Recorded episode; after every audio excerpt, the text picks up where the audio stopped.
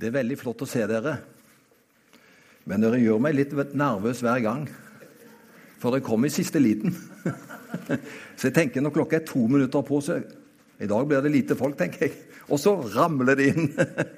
Men dere kommer presis, så det er ikke sånt. Men dere, dere er gode til å beregne tiden, for å si det sånn. Så er det veldig flott å se dere. Og i dag så har jeg faktisk talt med min eldste søster og mannen eh, Hun sitter rett bak dere tre. Der kan du snu deg. Ja, der sitter hun. Hun heter Jorunn og Oddvar Tveitastøl. Eh, og det med Jorunn Hun er den eldste i vår søskenflokk. Eh. Og du er ca. fire år eldre enn meg. Ja, nesten fire. Men det det er greit. Men hun ble veldig tidlig voksen, altså i vår søskenflokk, så hun ble satt til å passe de andre fire. Og jeg vokste opp, og hun vokste opp i et miljø hvor det var veldig mye forkynnelse på Jesu gjenkomst. Nå, Pendelen var den veien. I dag så hører vi nesten ikke om det. Så kanskje den balansegang er veldig bra. Men, men da var det så mye forkynt om Jesu gjenkomst at faktisk talt så, så en tenkte kommer Jesus i natt, kommer han i morgen? Ikke sant? Det, var, det, ble en veldig fokusering på det. Og du vet, Som barn så kan det være begge deler. det. Så Det var en kveld hvor hun skulle være barnevakt for oss. Og eh, Vi var små, og hun var bare tre-fire år eldre da. Og så hadde jeg sovna inn, så våkna jeg. Og så var det mørkt ute, for dette var på vinterhalvåret. Og det første som jeg tenkte på, er Jesus kommet igjen? Og så er jeg her. Det var den første tanken. Det var liksom ikke at jeg ble med, men er Jesus kommet igjen, og så er jeg her? Men så fikk jeg en glup tanke. Jorunn er jo barnevakten, for jeg visste at hun ble med. Det visste jeg. For hun var den frommeste i hele søskenflokken. Hun var virkelig frelst. Vi andre var sånn halvfrelst, for vi gjorde litt av hvert. Men hun var så from.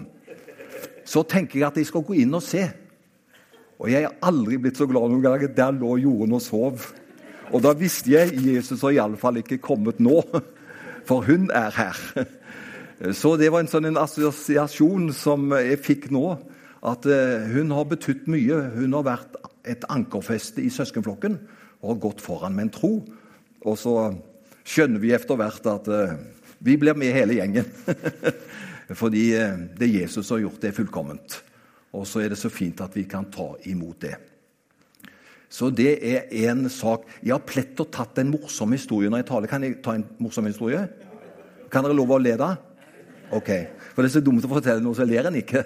Men da, ja, jeg ser ut som jeg er litt sånt gardert på det at dere vil være med på det. Det var oppe i Nord-Norge det skjedde at en som du vet, De sier jo det når menn blir syke, så blir de veldig syke. Og han i tillegg var hypokondor. Så han liksom identifiserte seg med de sykdommene han hadde hørt om. at eh, sånt. Og, så hadde han, og Det var jo veldig dumt av, av kona, men hun gav han en, et sånn eh, medisinleksikon i julegave. Og det skal du ikke gjøre til hypokondoer. Så han fikk en sånn eh, flott eh, gave da, og han begynte å lese i det medisinleksikonet. Og han fikk jo den ene sykdommen etter den andre, og plutselig en dag så, så støvsugde kona. Og så kom han til du, du, du Anna, sa han. 'Jeg tror jeg har fått malaria', sa han. 'Har du fått malaria?' 'Ja, jeg tror jeg har fått malaria', sa han. 'Ja, men du, hvordan kan du få det? Du har jo aldri vært ute og reist.' 'Jo', sa han. Eh, jeg, eh, jeg har fått det, for jeg, jeg merka det at eh, jeg er begynt å bli litt sånt svimmel, sa han. Jeg begynte å bli litt svak, sa han. 'Nei, det har du ikke fått', sa han. Så hun bare støvsugde videre. Og så sa han 'jo', sa han. 'Jeg har fått malaria', sa han. Ja, hvordan kan du si det? Jo, sa han, for det står i leksikon at du kan virkelig få det så sterkt at du får sterke feber, doktor. Du kan til og med få det så sterkt at du kan besvime. Ja, men du har jo ingenting av dette. Ja, men vet du hva det står? Til å begynne med så merker man ingenting, sa han. Så han hadde et treffpunkt der. Ja, ja. Nå skal vi gå videre. For det jeg skal snakke om nå, det er jo i en helt annen retning av skalaen. Det er blitt introdusert at jeg skal si litt i dag om det som er det mest verdifulle, det mest dyrebare. Det som ingenting kan sammenlignes med. Og det er det vi kaller for Jesu Kristi kors. Har du tenkt på hvorfor er korset kirkens symbol? Hvorfor er det det viktigste? For det må jo være det viktigste når det er på en måte det som vi bruker som vårt kjennetegn. Det er det viktigste hvis du skal helt gå inn i det aller viktigste, så sitter vi igjen med Jesu kors. Jeg har prøvd Jeg vil prøve å tegne litt verbalt et bilde av korset i min tale i dag. For det er det mest dyrebare som vi har Jesu kors. Og Da vil jeg bare lese det som står i 1. Korinterne 1,18. 1. Korinterne 1,18, der står det slik For ord om korset er vel en dårskap for dem som går fortapt. Men for oss som blir frelst, er det en Guds kraft. For ord om korset er vel en dårskap for dem som går fortapt, men for oss som blir frelst, er det en Guds kraft. Før jeg går videre i prekenen, så har jeg bare lyst til å si at ut ifra dette sentrale bibelverset så skjønner vi at eh, korset er eksplosivt. Korset skaper et skille. Det er ikke noe som er nøytralt. Det er ikke noe som er bare et festsymbol. Men korset er avgjørende for livet vårt. Og hvor vi skal forholde oss her i livet, men ikke minst i evigheten. Det har med korset å gjøre. Og derfor, i Paulus sin tid, det er jo han som sier dette, så var korset så kontroversielt. Og for å si det slik korset er like kontroversielt i dag. Og Det skal vi snart få eh, høre litt om, at det, det er egentlig det. Hvorfor det, da? Jo, for noen er det rene dårskapen. Korset er vel en dårskap for dem som ikke vil ha noe med det å gjøre. De ser ikke vitsen i det. Det blir noe banalt. Det blir noe som de ikke i det hele tatt vil identifisere seg med. Det blir rett og slett en dårskap. Men for vi som har opplevd velsignelsen og gleden i korset, vet du hva vi sier? Vi kan ikke få lovroste nok. For det ble vår redning. Det som skjedde, der, det er det som gjør at vi er frelst i dag. Det han gjorde der. Og da skjønner vi det er jo ingenting som er så kjært for oss som det som frelste oss. Og Det var det Jesus gjorde da han hang og døde på korset. Men for de som ikke vil ha det med, det er rene dårskapen. Korset er like kontroversielt i dag som det alltid har vært. Men for oss så er det en Guds kraft til frelse. Jeg skal lese noe nå. Og jeg vil lese alt, for det er ikke langt. Vi har sikkert alle hørt om Eivind Skeie. Presten, forfatteren, salmedikteren. Og jeg er glad for han lever enda. Eh, jeg er Facebook-venn med han. Eh, lest mye av det han har produsert. Han er på en måte en som har betydd så mye. Eh, jeg vil si de siste 50 årene i norsk kristenhet, og særlig innenfor Den norske kirke, så har Eivind Skeie betydd enormt. Bare så at vi har et lite bakteppe på han. For litt over et års tiden, før påske for et godt år siden, så skrev han I vårt land der er det noe som heter verdidebatt. Og så hadde han et innlegg der. Og jeg har skrevet ut det innlegget han hadde, for det går på dette med korset. Og så sier han, og jeg siterer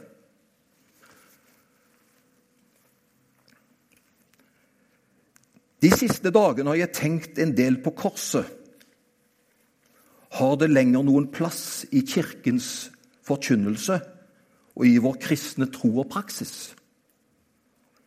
Det er faktisk nesten ingen som snakker om korset lenger, og om Jesu blod som en soning for våre og verdens synder. Det er Eivind Skeie som sier dette. Presten, forfatteren, som er virkelig aktuell. Jeg gjentar det er faktisk nesten ingen som snakker om korset lenger, og om Jesu blod som en soning for våre og verdens synder. Jeg kjenner det hos meg selv også. Det er vanskelig å snakke om dette. Enda mer utfordrende å forkynne det som et befriende budskap. Så leser jeg et brev fra apostelen Paulus, opprinnelig skrevet til menigheten i Korint. Han skriver at han er utsendt av Kristus for å forkynne evangeliet, og det er ikke med talekunst og visdom. Så Kristi kors ikke skal miste sin kraft. Jeg tenker at jeg må bruke mye tid på dette og meditere over ordene fra Paulus om at Kristi kors ikke skal miste sin kraft. Jeg spør meg om dette var dette vi skulle bruke tid på, fremfor å lete etter alle mulige og umulige måter ved hvilken vi skal bevise kristendommens ekthet og troens gyldighet i verden. Til menigheten i Korint sier Paulus at han ikke kom med fremragende talekunst eller visdom. Det var ikke slik han ville forkynne Guds mysterium. Han hadde nemlig bestemt seg for at han ikke ville vite av noe annet enn Jesus Kristus og ham korsfestet. Dette gjorde ikke apostelen til en kraftfull forkynner med overtalende evner. Tvert om beskriver han seg selv som svak, redd og skjelvende. Han forkynte ikke sitt budskap med overtalende visdomsord, men med ånd og kraft som bevis. Det skjedde fordi deres tro ikke skulle bygge på menneskelig visdom, men på Guds kraft. Det er min klare oppfatning at Paulus har noe å si oss i dag. Sitat slutt. Da jeg leste det, så grep det mitt hjerte, og jeg tenkte her er han inne på noe essensielt og særdeles viktig. Da du og jeg vokste opp, hvis du er litt i min generasjon, så var det mye forkynnelsen om korset. Og vi sang sangen vet du, 'Jeg vil elske det eldgamle kors til et mektige'. Ikke sant? Man sang sanger om korset, og det ble forkynt sterkt om korset. Ut på misjonsmarken så er det dette som fortsatt forkynnes. Det at det finnes kun én som kan forvandle menneskene i all sin fattigdom, i all sin nød, i all sin elendighet. Det er det Jesus gjorde da han døde for menneskene på sitt kors. Så forkynnes det som noe befriende. Der er løsningen i deres situasjon. Men i dag, sier Eivind Skeie, som har stor oversikt, forkynnelsen om korset er fraværende. Og dette med Jesu blod som soning for våre synder, det blir noe sånn Ja, det blir nesten litt sånt. Litt sånt Hva skal vi med blodet? Hva skal vi med det? Vi er da oppegående, opplyste mennesker. Vi er da siviliserte. Du skjønner hva jeg mener? Dette bryter helt igjennom. Og så er det spørsmål vil vi ha korset, eller vil vi ikke ha det. Hva slags symbol er egentlige korset? Eh, jeg talte for mange år siden i Tromsø en påske. Og Så kom en liten gutt som er onkel til som bodde der da. Og Så kom han inn og så, så han et sånt kors som vi hadde i kirken for første gang. Og Så sier han, 'Du, onkel, er det et drepekors?' sa han. Det var hans assosiasjon. Han så et kors der, og han tenkte er det et drepekors? sa Han? Eller er det et lekekors? Og Så måtte jeg si til han, det var på et sånt sted hvor Jesus måtte dø. Var der han sonte Jeg kunne ikke bruke sånt uttrykk til en gutt, da, men jeg kan si det til oss voksne. Det var der Jesus sonte for all verdens synd. Og uten det så hadde ingen andre veier ført oss til Gud. Det er korsets vei. Hva forteller korset oss? For jeg har allerede sagt innledningsvis at korset er kristendommens viktigste symbol. Du har sikkert merka at folk bærer kors som smykker rundt halsen. Hvis jeg hadde spurt her er det mange som har kors som smykker rundt halsen, så kan du slippe å løfte opp hånda. Men i visse miljøer så går man med et kors. Det er et fint smykke. Det var til og med ei oppleser i NRK som ikke fikk ha korset. Fordi det kunne støte noen, så hun måtte ta seg av det. tok det av seg, Og hun gjorde det. Siv Selman, som er journalist i NRK Sørland, og hun er en god kristen. Men eh, da skal jeg fortelle det på en annen måte, sa hun. Så hun tok jo av seg korset da. Men det var støtelig i kristne Norge. Det er faktisk er et veldig viktig symbol. Folk bærer det som et smykke. Det står kors på alterne inne i kirkene og kors på gravene på kirkegårdene. Mange prester korser seg når de starter en gudstjeneste. Mange kristne tegner seg med korsets tegn når de står opp om morgenen. Jeg snakket med en veldig flott frikirkepastor i lutherske frikirke for noen måneder siden, og han sa at Sten, vet du hva jeg har begynt med? sånn? Hver gang jeg tar beina ut av senga, så korser jeg meg. Det er det første jeg gjør. Ikke fordi jeg tror at det er noe saliggjørende, men det forteller meg det Jesus gjorde, er avgjørende for meg. Og det vil jeg vise gjennom den handlingen for den dagen jeg skal tre inn i. Derfor starter han den ved å korse seg. Det er jo noe vakkert i det. Fotballspillere har du merka det? Noen av dem de skal ut på fotballbanen. Jeg så et par stykker i går. De korsa seg. Og så går de ut, og så håper de at korset skal hjelpe dem. Det er jo ille hvis de korser seg på begge lagene, da. Men jeg syns det er noe fint. Det er noe vakkert. At de ønsker å ta med seg dette i livet sitt. Er det noe som eh, jeg gjør? som gjør at det er litt uh, lyd. Hvorfor er korset et så viktig kristen symbol? Vet du hva jeg har tenkt på? Hvorfor ikke heller Betlehemstjernen? Hvorfor kunne ikke det vært symbolet vårt? Ikke sant? Stjernen som viste nå er Jesus født. Eller hvorfor kunne ikke krybben der hvor Jesu barnet ble lagt. Hvorfor kunne ikke det vært vårt symbol? Eller duen, som er et bilde på Den hellige ånd. Hvorfor er ikke duen vårt symbol? Jo, fordi det var på korset seieren skjedde. Etter Jesu død på korset er korset fremfor alt det viktigste symbolet på Guds uendelige kjærlighet. Ser du det står også på bildet på veggen? Du skjønner, det var der det skjedde. Det var der Gud forsonte verden med seg. Det var der synderegisteret, skyldsbrevet, hvor vi skylda så mye, det ble der det ble slettet ut. Det var da Jesus døde på korset. Og Hvis du skal ha et kanonvers på hva som skjedde på korset, så er det Kolosserne 2,15. Der står det Kolosserne 2,15. Han avvæpnet maktene og myndighetene og stilte dem åpenlyst til spott og spe i det han viste seg som seiersherre over dem på korset. Det var altså på korset seieren skjedde. Noen ganger så, så tror vi at det var første påskedag det skjedde.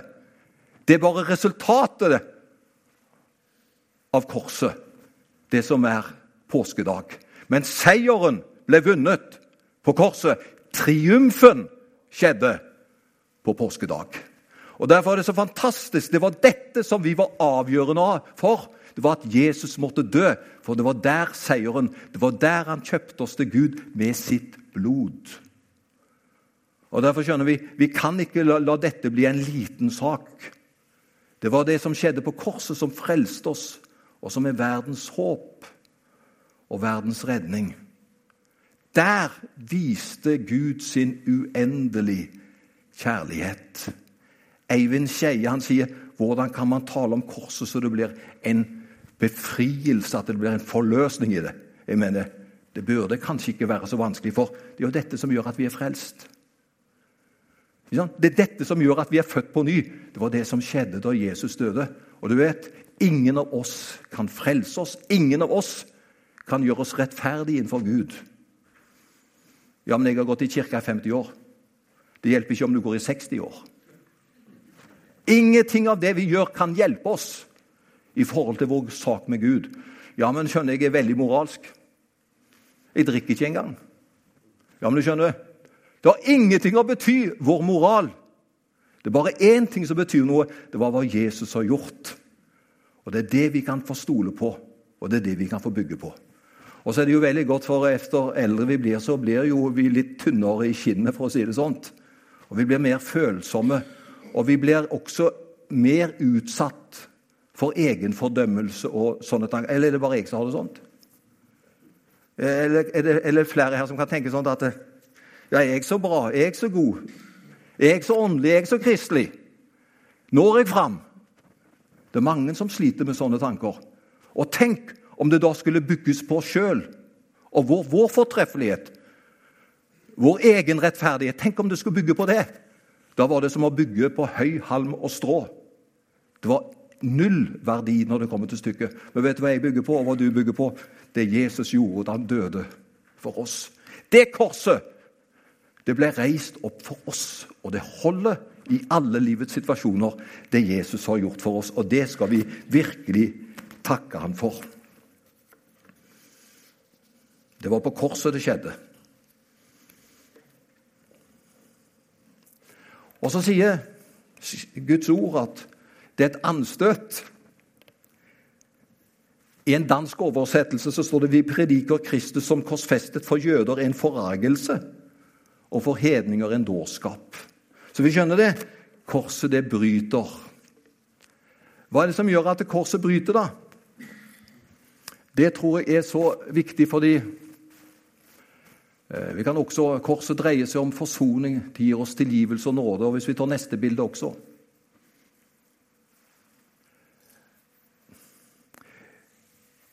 Overfor korset, og det er det som er en provokasjon hos noen, men som for meg er fantastisk befriende Overfor korset så kan ikke jeg gjøre noe.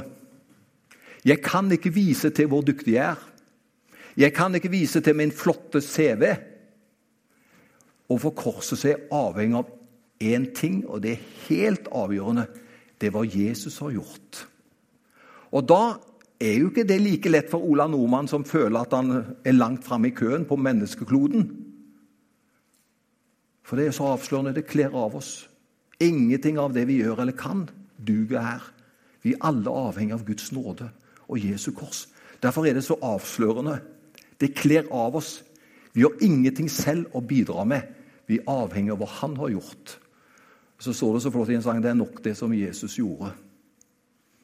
Det er livet og døden gjeld.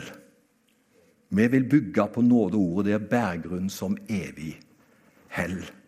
Da Jesus døde på korset for all verdens synd, så det er det som frelser. Det er det som redder oss. Og så er det det siste skriftstedet som står med det bildet som er kommet opp nå. I Jesaja så står det Kom, la oss gjøre opp vår sak, sier Herren. Om deres synder er som purpur, skal de bli hvite som snø. Om de er røde som skarlagen, skal de bli som hvit ull. Det forteller bare hva forsoningen fører med seg. Men det avhenger om at vi må gjøre opp vår sak. Vi må komme med vårt liv. Men når vi kommer med vår sak, med vårt liv, innenfor Jesu Kristi kors, da skjer det revolusjonerende. Om deres synder er som purpur, skal de bli hvite som snø. Om de er røde som skarlagen, skal de bli hvit som ull. Det er dette evangeliet vi får ta imot, som fullstendig renser oss. Og du og jeg kan være glad når vi går ut av gudstjenesten i dag. Så går du ikke ut som ja, 80% kristen og 20% ikke.